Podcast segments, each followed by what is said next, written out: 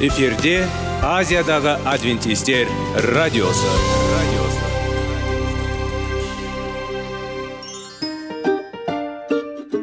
Сәлем достар. Денсаулық өмір бұлағы және біздің бірінші байлығымыз демекші денсаулық сағаты рубрикасына қош келдіңіздер. Біздің рубрикада біз әртүрлі факторларменен мәліметтерменен кеңестерменен бөлісіп шын жүректен сіздердің дендеріңіз сау болғанын қалаймыз. Сол үшін біздің рубрикаға қош келдіңіздер. Дайындалып тұрыңыздар. Өйткені келесі минуттарда қызықты фактілерге ие боласыздар. Енді достар ең бірінші байлығымызды қолымызға алып алға кеттік.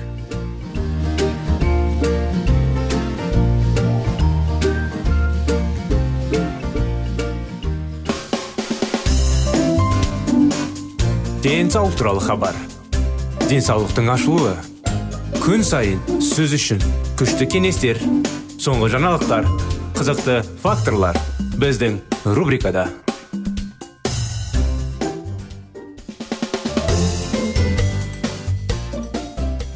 сәлем достар ассалаумағалейкум біздің құрметті радио тыңдаушыларымыз біздің денсаулық сағат бағдарламамызға қош келдіңіздер сіздермен бірге қазір уақытта жаңа тақырыптар бастаған едік салауатты өмір салты жайлы соны жалғастыра кетсек бүгін салауатты өмір салтының пайдасы туралы көп айтылады және біз бұл маңызды мәселені назардан тыс қалдырмаймыз.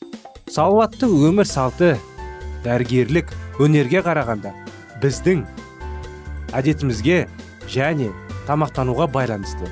Өмір салты адамның өмір сүру ұзақтығын ғана емес оның сапасын да анықтайды.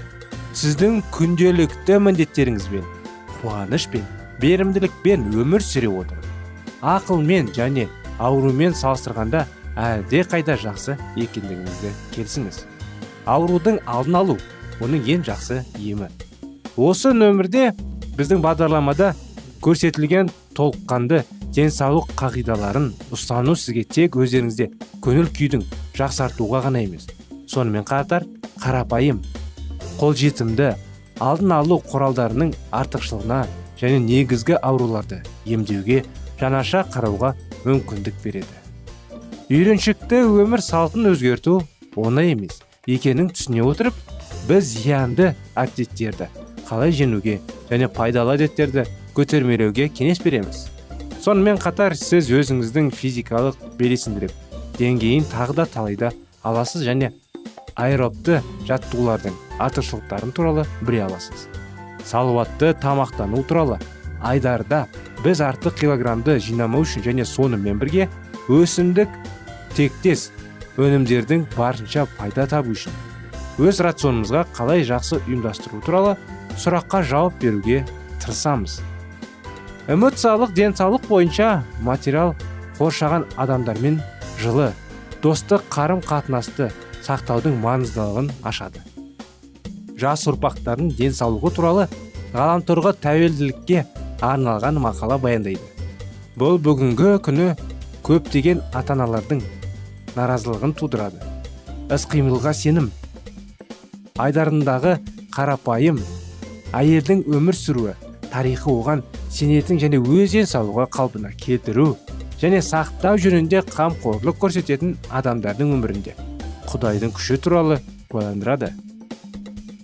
Салауатты өмір салтын жүргізіңіз және сыр қатар ерекше болмайды. Мұны жасауға мүмкіндік беретін пікірлер мен ұсыныстар үшін алғыс айтамыз. Басылым жақсы және қызықты. Біздің таңдауымыз аллан хэндисонс дәрігер педиатр және гинеколог қоғамдық денсаулық саласындағы маман бізге былай дейді. Акушер болып жұмыс істей отырып мен тәуекел тобы деп аталатын пациенттерге қосымша тексеру жүргізудің ұсынамын. Егер науқас 40 жаста болса онда мен оған балада хромосомалық ауытқуларды анықтау үшін қажетті скрининг тест ұсындым. Сынақты өткізу немесе өткізбеу дәрігер өз еріктерін таңдау үшін әйелдің өзі әрдайым шешті. Мен әңгімелейтін пациент мәсіхші болды алайда мен білмеймін ол зерттеуге келісімде немесе жоқ. Менің әйелім 37 жаста. Жүкті болған кезде ол жоғары тәуекел туралы білді. Бірақ генетикалық скринингтен бас тартты. Менің әйелімнің мысалы пациент бірдей болады деп болжауға мүмкіндік берді. Бірақ менің таң қалдым. Ол тексеруден өтуге келісті. Сынаманы алғаннан кейін екі апта өткен соң маған телефон арқылы жемісте хромосомның артық екенін даун синдромына көрсете алатынын айтқан. Мен өз ассистентімді жұбайларымен хабарласып сол кеште кездесу туралы уағдарласуды өтіндім. Себебі мен олармен тексеру нәтижелерін талқылау қажет. Мен мұндай жағдайларда адамдар өзін күтпеген сезінетін білдім. Бұл жерде екі ата ананың ата ананың да жеке байланысы мен қатысуы маңызды. Бұл жұпқа қандай шешім қабылдайтынымды ойлай отырып мен өткізілген жүздің нәтижелерін табайлып абайлап баяндадым. Бірақ олар менің дәлелдерімді тыныш отыруға және тыңдауға жалғастырды. Мұндай жағдайларда байқамағаныма бірнеше рет емес эмоционалды всплеск дейді ғой болған жоқ. Мен барлық ықтимал асқынулар туралы айтып бердім. Менің пациенттерім дәрігер біз бұл туралы ойлаймыз бірақ бәлкім біз бұл жүктілікті үзбейміз деді. Бірнеше күннен кейін науқас маған қайтадан келді. Бұл жолы ол қолдау топтары туралы ақпарат беру туралы өтінішті қоса алғанда көптеген сұрақтар болды. Әрбір қабылдады. Оның өзін өзі ұстай білу өскен. Мен оның сыртқы тыныштығын терең түсіндірдім және баланың патологиясы болатын анық түсінгірмен тен тууға қатты ниетпен. Босану жеңіл және тыныш болды. Бұл оның үшінші жынысы болды. Және босанушы шыдамды болды және процесті өте жақсы көрді. Бала дүниеге келгенде ол қатты айқайлады. Ол апқар шағаласы бойынша жоғары баға алды. Мен оның анасына бергенде ол махаббатқа итермеледі оны қатты ренжітеді. Мен мындаған баланың қабылдадым. Бірақ олардың ешқайсысын қуанышпен қарсы алмадым және осындай ерік осындай құташ осындай ласканы құшақтамадым. Бұл ана саналы және тамаша таңдау жасады және оның барлық салдарын сөзсіз қабылдады. Ол сәбиге өз үмітін салды. Оның өмірін мәні мақсаты мақсаты мен қадірлі қасиетіне бөлейді. Көптеген аналар өмірдің маңыздылығы мен құндылығын назарға алмастан аборт арқылы осындай балалардан құтылуға тырысатын құпия емес. Джон ортберг өзінің ойын аяқталған кезде фишкалар қырыққа оралды кітабында дейді. Оқиғаның жалғасын құрметті достар келесі жолы жалғастырсақ. Өкінішке орай бағдарламамыздың уақыты шамалы болғандықтан уақыт дереу өтті де кетті. Сіздерді келесі бағдарламамызға шақырамыз. Келесі жолға дейін сау саламат болыңыздар.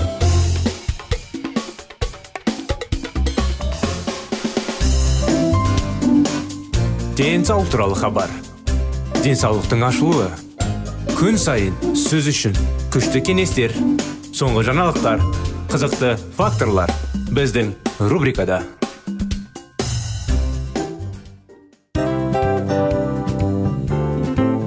әуелі байлық денсаулық екінші байлық он саулық үшінші байлық ақ жаулық ал енді осындай радио парақшадан кейін не дейміз барлықтарыңызға денсаулықтарыңыз зор болсын деп тілейміз денсаулықтың өзгеруі кішкентай нәрселерден басталады осымен біз берген кеңестер мен мәліметтер шын жүректен сіздер үшін қандай да бір болсын жәрдем берді деп үміттенеміз.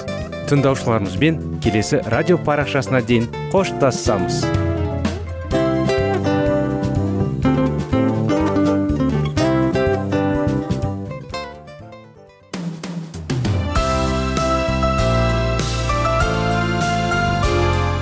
эфирде азиядағы адвентистер радиосы.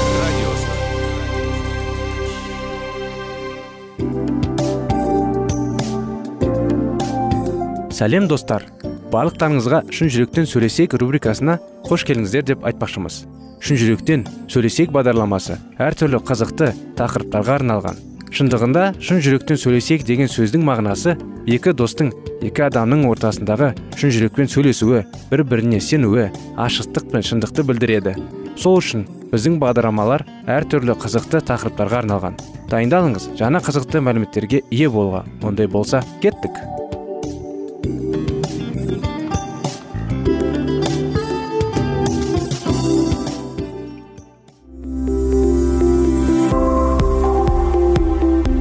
Алтын сөздер.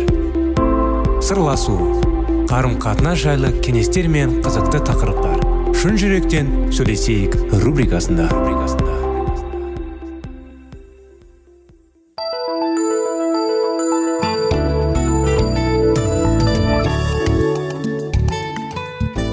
Сәлем достар. Армысыздар құрметті радио тыңдаушыларымыз біздің шын жүректен сөйлесейік бағдарламамызға. Қош келдіңіздер. Сіздердің назарларыңызға әрдайым қазіргі уақытта шектеулер тақырыбын кітабын десек те болады жалғастырудамыз. Соны жалғастыра кетсек шектеулер және сіздің жұбайыңыз.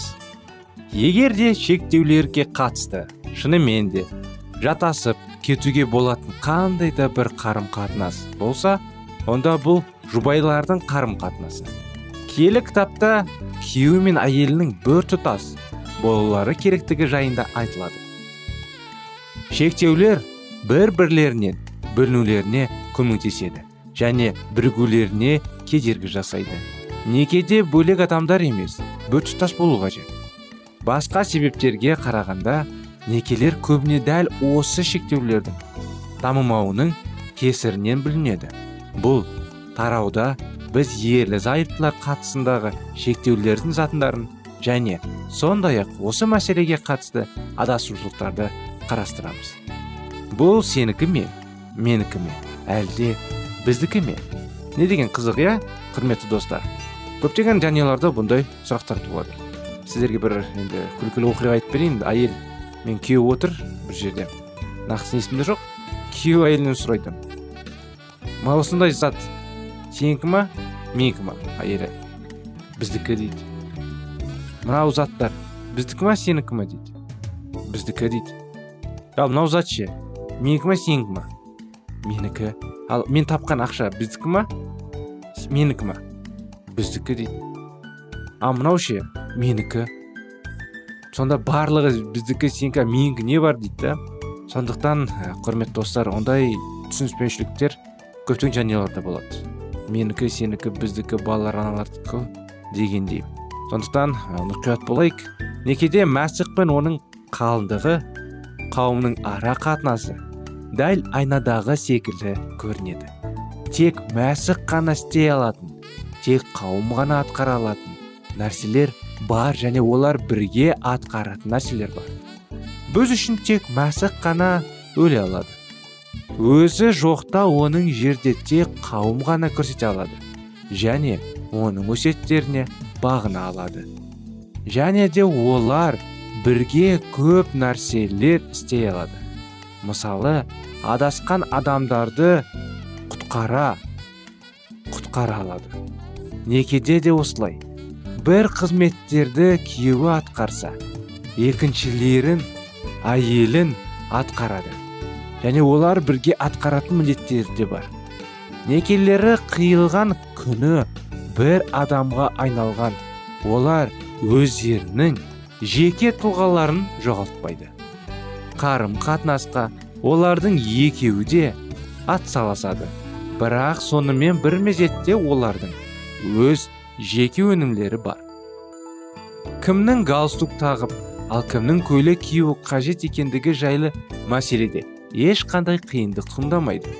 Отбасы қаражаттың кімнің қолында ұстап ал үйді жинаумен кімнің айналасуына керектігін айқындау бір шама қиындық туғызады. Бірақ жұбайлардың әрқайсының қабілеттері мен қызығушылықтарын ескере отырып бұл мәселені оңай шешуге болады. Ал енді жеке тұлғалық салада шыныңмен де қиындықтар бас көтереді. Бұл жерде әңгіме әрбір жұбайдың жандарының қалаптастарының жайында. Бұл жерде онда өзгелерді кіргізу не кіргізбеуді адамның өзі шешеді. Қиындық олардың. Бірі екіншісінің тұлғалық шекарасының өтіп оның сезімдерін ұстанымдарын құндылықтарын басқаруға тырысып оның шешім қабылдауына ықпал жүргізбек болған кезде басталады. Бұларды тек адамның өзі ғана басқара алады. Бұл мәселеде оған қысым жасауға тырысу оның шекарасын бұзу болып табылады біздің мәсіқпен және басқа да жақсы дамып келе жатқан кез келген қатынастарымыз еркіндікке негізделген. Келіңіз осыларға тән бірнеше мысалдарды қарастырып көрейік. Сезімдер. Екі адамның арасындағы жақындыққа әсерін тигізетін негізгі қасиеттердің бірі олардың әрқайсысының өз сезімдері үшін жауапкершілікті өз мойындарына алу болып табылады. Мен күйеуімнің ішімдікке құмарлығына қатысты қиындықтары болған бір жұпқа кеңес бердім. Мен әйелдің оны мас күйінде көрген кезде өзін қалай сезінетінін күйеуіне айтып беруін сұрадым. Мен оның ештеңе ойламайтынын сезінемін. Мен жоқ сіз қазір оның мас күнемдігіне ғана беруге талпынып тұрсыз. Сіз нені сезінесіз? Мен оған бәрібір екенін сезінемін жоқ дедім мен. Қазір сіз ол туралы ойларыңызды айтып тұрсыз. Ол ішкен кезде сіз өзіңізді қалай сезінесіз? Әйел жылап жіберді. Мен өзімді жалғыз сезінемін және қорқамын деді ол ақыры. Осы сәтте күйеуі оның иығына қолын қойып сені қорқытады деп ешқашан ойламаған едім деді. Мен ешқашанда қорқытқым келмеді. Бұл әңгіме олардың ара қатынастарын түбейлі өзгертті. Әйелі жылдар бойы күйеуін айтып жаман қылықтары маскүнемдігі үшін жазғырып келген. Өзі басқаша ұстауы керектігін түсіндіруге тырысқан. Ал күйеуі оның өзін жазғырып өз жылықтарын қылықтарын ақтауға тырысып келген. Бір бірімен ашық сөйлесуді орнына олардың әрқайсысы өз жырларын жырлай берген және бір бірлерін мүлде естімеген. Жұбайлардың ешқайсысы өз сезімдері үшін жауапкершілікті мойындарына алуға тырыспаған. Сезімдерді мен өзімді ренішті немесе жалғыз немесе үрейлі сезіммен деген сенімді сөздермен жеткізу қажет. Мінекей құрметті достар осындай кеңестер осындай анықтама бүгінгі күндерде. Сіздермен болған шын жүректен сөйлесейік бағдарламасы. Сіздерді келесі бағдарламамызға шақырып қазір бағдарламамыз аяғына келген соң сіздерге сау саламат болыңыздар дейміз.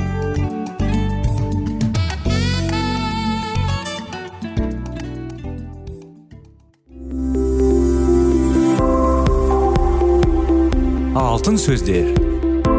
Сырласу қарым қатынас жайлы кеңестер мен қызықты тақырыптар. Шын жүректен сөйлесейік рубрикасында.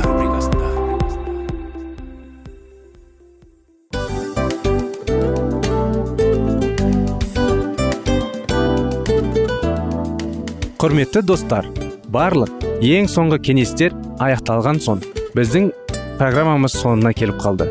Осы біздің мәліметтер осы рубрикада айтылған әрбір сөздер сіздерге өзінің қандай да бір пайдасын алып келді деп шын жүректен сенеміз. Және бұдан да көптеген рубрикаларымыз бар. Басқа рубрикаларымызда біздің зерттеулерімізде сіздер үшін тағы да қызықты мәліметтер дайын. Біздің шын жүректен сөйлесейік парақшамызда көптеген әдістер ең соңғы кеңестер адамның нравственность жақтан моральдық жақтан тазалап байыта тұрған соңғы кеңестердің барлығын жанарады. сондықтан алдыңғы күндерде бізбен бірге болыңыздар. Өйткені барлық қызықтар алдыда. Бізбенен бірге болғандарыңызға үлкен рахмет.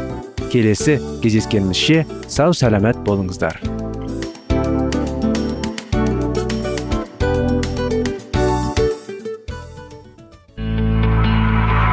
Жан дүниеңді байытқан жүрегіңді жаңғыртқан өмірдің мағынасын ойландырған рухани жаңғыру рубрикасы.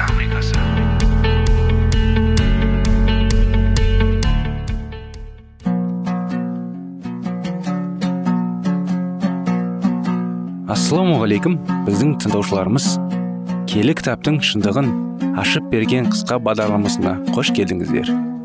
Барлығынан жоғары жаратушы біздің қарыңғылықта жалғыз қалдырып қойған емес.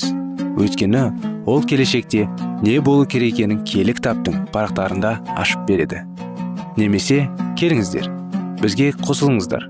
Жаратушы бізге нен ашып бергенін зерттейміз. Ассалаумағалейкум армысыздар. Біздің құрметті радио тыңдаушыларымыз біздің рухани жаңғыру бағдарламамызға қош келдіңіздер. Сіздердің назарларыңызға жаңа тақырыпты бастап әрине бұл маңызды тақырып деп ойлаймыз. Сенуді сиынуды қалай үйренеді? Сүйіну бүгінгі күнде өте маңызды тақырып деп ойлаймыз. Сүйіну деген не ол? Оның мағынасы не? Ол не үшін? Соның бәрін бүгін де әрдайым ары қарай жақын арада біздің бағдарламада сіздер үшін құрметті достар сонымен ары қарай жалғастырайық. Сиынудағы тұрақсыздық.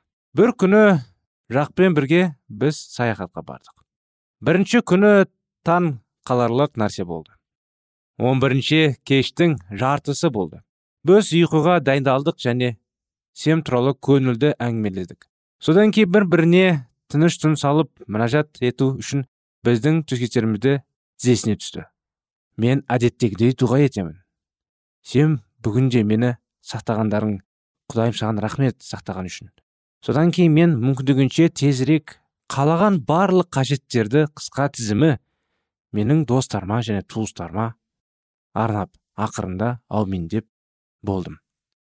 Мен көтеріліп орныма жайғастым қарасам жак әлі тізеде тұрды. Көрпе астына сырғып мен оны аяқтағанда күте бастадым. Бес минут өтті. Ал жак әлі де сиініп жатты. Маған тіпті ыңғайсыз болды. Тағы он минут өтті. Жак әлі тізеде қалып отты. Мен ойлап ол ұйықтап қалды деп ойлап қалдым. Осылайша менің достығым осы адаммен басталды. Оның рухани адам деп атадым. Күн сайын байқаңыз күн сайын кем дегенде жарты сағат жак сүйінуда өткізді. Қандай еңбек? Бірақ бұл тіпті қуаныш әкеледі ал маған дұға еткенше тыныштық сақтау үшін көп күш қажет болды. Рас уақыт өте келе мен өз сенімдерін өзгертті. Бұрын мен тек ең танымал өзім сүйетін немесе мейірімді фантазерлер осындай нәрсе жасай алды деп ойладым. Бірақ жан осындай емес екен. Шын мәнінде ол өте шыдамды кісі екен. Лайықты қалыпты мәсіхші екен жақ. Мен тек дұғаны оған анық рахат беретіндігіне алаңдатты. Дегенмен дұға осындай қарым қатынас соны бақытты мәсіхші болды деген сезім қалды. Менде сол уақытта елеулі күмән сүйіну маған ол болып көрінген тек рәсіммен қажетті үшін жүргізуге кірісті масқішілердің өмірі. Мен дұға етпегенмін бірақ бұл кеш сайын жасады. Өйткені әйтпесе құдай сотта айыптаудан аулақ емеспін деп ойладым. Ақырындап дұғаның мәселесі мен үшін күлкілі болды. Мен тіпті олардың дұғалары бөлменің төбесіне ғана жетеді деп шығамдағанға адамдарға қызықтым. Менің дұғаларым маған көрінген. Тіпті жыныстан ешқашан жыртқан емес. Ақырында мен мүлдем тоқтаттым дұға кезінде сеніп оғаш ісі жеңілдету. Міне бұл қиындықтарды қатысты болды. Ал сізде ше сіздің дұғаңыз сіз дұға етесіз ба? Сіздің сүйінуіңіз қалай? Дұға қуанышты уағым бола ма? Егер сіз үшін дұға бұл күнделікті орындау керек әдет тұғырып немесе міндет болса онда сіздің жаман істеріңіз дұға тәжірибесі сәтсіздіктің бірнеше себептерін атап өтейікші әлі күнге дейін сіз тек қана исамен сөйлесу орнына дұға айтуды тырыстық. Сіз үшін дұға бұл ауыр ауыртпалық. Мүмкін анасы сізді әрдайым дұғаңызды ұмытпаңыз деп. Сіз тістеріңіздің тазалауды ұмытпаңыз деп немесе қолыңды жууды ұмытпаңыз.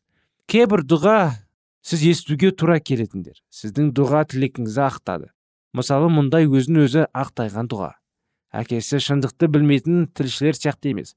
Біз саған алғыс айтамыз деп. Немесе ақырында көрінбейтін ауыр дұға. Қызметші он минут бойы дұға жасап одан кейін тағы да. Құдайлар осы таңғы сағат ішінде біз сенің алдында сөзбе сөз болғымыз келеді. Немесе жансыз дұға. Бізге мейірімді бол. Жаратқан ие бізді нығайта уағыздаушымен бірге бол. Науқастар мен зардап шегушілердің батасын бізді мәңгілік елге сенімді түрде жетіңдер. Бұл біз исаның атынан сұраймыз деп. Амин деп. Егер сіздің тәжірибеңіз дәл осылай көрінсе онда сіз дұға ниетіңіз жоқ екенін таң қалдырмайды. Сіз дұғаны қылы білмейсіз. Бұл кітап бұл туралы айтады. Құдайдың көмегімен сіз қуана дұға үйренесіз. Мен сізді сендіремін. Дұға сіз үшін қуаныш болған кезде өмір мүлдем өзгеше болады. Неге дұға ету керек? Ескі капитан шаш дыбысы болатын өз ауымдары туралы айтты. Сегіз жасар бола оны мұқият тыңдады. Кемесі соғылған кемесі туралы айтып біз тыңдаған су құйылды дейді сол кеменің ішіне. Және бұл сол кезде болды. Не істеу керек? Сонда менің балам бізге тек бір ғана дұға етті деді. Сіз шындықты айтасыз ба капитан? Бұл жағдай үмітсіз болады ма? Мен бұл оқиғаны дұға туралы қате пікір жинақтағмадан есіме түсірдім. Өйткені онда кен таралған пікір бар. Дұға бұл қорқынышты әйелдер мен балалар үшін құтқарушылық үміт саяхаты нәрсе. Шындықтан қалай алыс мұндай сөздер. Рухани шектеулі тұлғаларды жатқызуға болмайтын адамды линкольн аврамына қараңыз. Бір күні ол былай деді. Мен тізеге өте жиі түсірдім. Себебі маған кімге жүгінбейтініне қатты сенімдімін тізе дұға авраам линкольн. Қандай?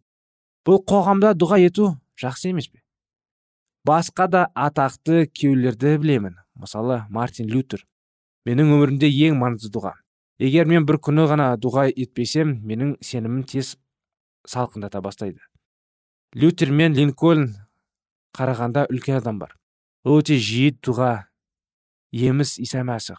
Дұға кезінде тізеде тұрған құдайдың ұлы көру таң қараларлық емес пе? Маңызды нәрсе болған кезде ол тізеге тұрып су рәсімінен кейін ол өз оқушыларын оның өзгеруін кезінде және гефсиманияда берілген дейін. Егер құдайдың ұлы әр адамға дұға етсе тіпті ең кіші адамға дұға етсе мен өмірімді сүйіну өмір сүре аламын ба? Бір күні біз неге біз дұға етуіміз керек деп сұрақ қоямыз біз тізе тұрып мен энергияны құдайға қандай да бір жолмен жететінін дәлел бар ма өйткені ол біздің дұғаларымыз не қалайды сонымен қатар келік кітапта құдай біз бұл туралы дұға етер алдында не қажет екенін біледі дейді емес пе сонда не үшін дұға етуіміз керек міне осындай сөздермен құрметті біздің достар бағдарламамызды аяғына келдік сіздерді келесі бағдарламада келесі жолы күтеміз сау саламат болыңыздар